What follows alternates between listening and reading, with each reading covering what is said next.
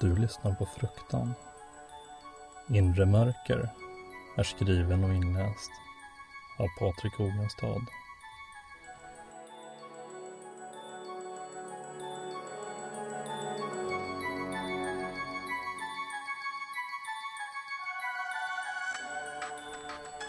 Ända sedan jag blev medveten har jag aldrig gått för nära kanten. Alltid valt den säkraste stigen. Jag har undvikit höga höjder och djupa vatten. Mitt liv här på jorden har kretsat kring att inte utsätta mitt sinne för risker, för frestelserna som jag var ämnad för. De långa gråa åren är priset jag betalar för att någon begick ett misstag hans förstånd inte kunde förmå sig att förstå. Det svåraste har varit att inte hata honom, men det är väl aldrig en möjlighet. Hat skulle leda till fördärv. Det skulle leda till mitt misslyckande på den här platsen där jag inte hör hemma. Genom åren har jag fallit in i mina rutiner. Det går inte att undvika mörkret, men jag tittar inte in i det för länge. Jag låter inte vattnet från kranen stå och rinna. Hur kunde jag, när jag vet vad som gömmer sig bakom dess porlande sång? Då jag lyssnar på musik är den lugn och stillsam utan toner som skulle röra upp mina känslor för mycket. När jag speglar mig undviker jag att se på det som är gömt bakom min gestalt. Men det går inte helt att bortse från det väsen som hägrar i periferin. Jag har medvetet valt att inte försöka förstå den här världen. Att hålla mitt sinne svagt och litet. Kanske är det det som gör att jag kämpar med att förstå min spegelbild. Det är svårt att förklara när det känns som att tiden står still. Alla dagar är likadana. Samtidigt är det en gammal mall som möter min blick. Tidens hand har varit obarmhärtig mot min kropp. Precis som jag skulle vara mot världen om jag inte byggt upp min mur. Andedräkten från mitt öde är varm mot min nacke och jag blir tvungen att titta ner i spegeln när virvlarna bakom mig nästan tar form. Mina sömniga ögon vilar istället på skålen under spegeln där mina gamla mjölktänder ligger på rad. Jag är fast besluten om att inte lämna något kvar efter mig i den här världen. Jag vet ännu inte hur jag ska få med allt. Huvudsaken just nu är att alla tänder ligger kvar. Det tycks ha krympt genom åren. Mina händer darrar när jag stänger av vattnet. Det har kommit de senaste åren Snart har min kropp tagit slut och min vistelse här kan vara över. Det är farliga tankar. Tankar som kan göra att jag inte är lika hård mot mig själv. Att jag inte klarar att hålla emot.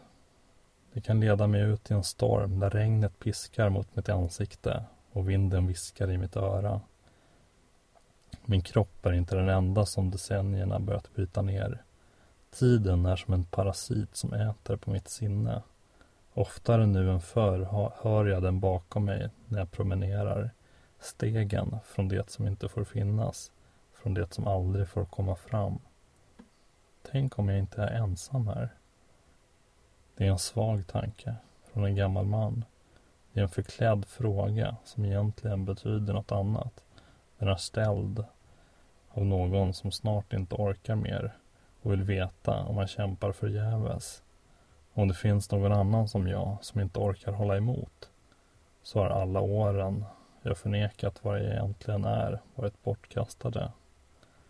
Sådana tankar förtvinar sinnet snabbare än tiden. Det bryter ner en mur som varit stark en hel livstid. En mur som en gång var stark. Knackningen kommer som en hjälpande hand. Den tar mig tillbaka till nuet, till säkerheten. Jag håller om mina händer tills det slutar skaka och går med långsamma steg mot ytterdörren. Någonstans viskar en röst att jag måste byta ut tejpen där det står ingen reklam. Åren har brutit ner även den. Jag ska precis be säljaren att vända om, att aldrig komma tillbaka när jag inser vad som står framför mig. Darrningen börjar i knäna. Det är fyra små och en stor. Pojken håller fram en korg och säger Bus eller godis? Jag försöker hitta något att fästa blicken på. Barnen är alla uppklädda för att likna monster som en tam kopia av det som väntar när jag sträcker ut mitt sinne. Det går inte att hindra. Allting börjar med ett sug i magen. Mamman bakom barnen känns som den säkraste i sällskapet. Vår ögonkontakt känns först som en räddning. Som muren fortfarande är stark. Hennes leende är stolt och förväntansfullt. Men jag överskattar mig själv. Jag håller hennes blick för länge. Likt barnen bär hon en mask som hastigt byts ut. Ett skådespel av känslor dansar över hennes anlete. Det börjar med irritation. Jag försöker titta bort, men de hastiga växlingarna är förtrollande. När hon går över i ilska känner jag det inom mig. Pojken har upprepat sin fråga. Men just nu finns han inte för mig. Kvinnan är klädd i osäkerhet och sträcker sig efter sina barn. Åren börjar rinna av mig nu. Knäna skakar inte. Händerna är starka. Rädsla han klär henne bäst. Det är som att hon föddes just för den här stunden. Nu står jag på balkongen. Känslan av godiset mot min gum, gom är främmande. Det smakar kött som synden. Jag bryter löftet mot mig själv och tittar upp mot natthimlen. Mörkret mellan stjärnorna ropar på mig och för första gången är jag redo att lyssna.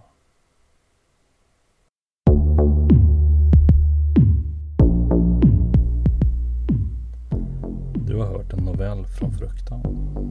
För fler berättelser besök fruktan.se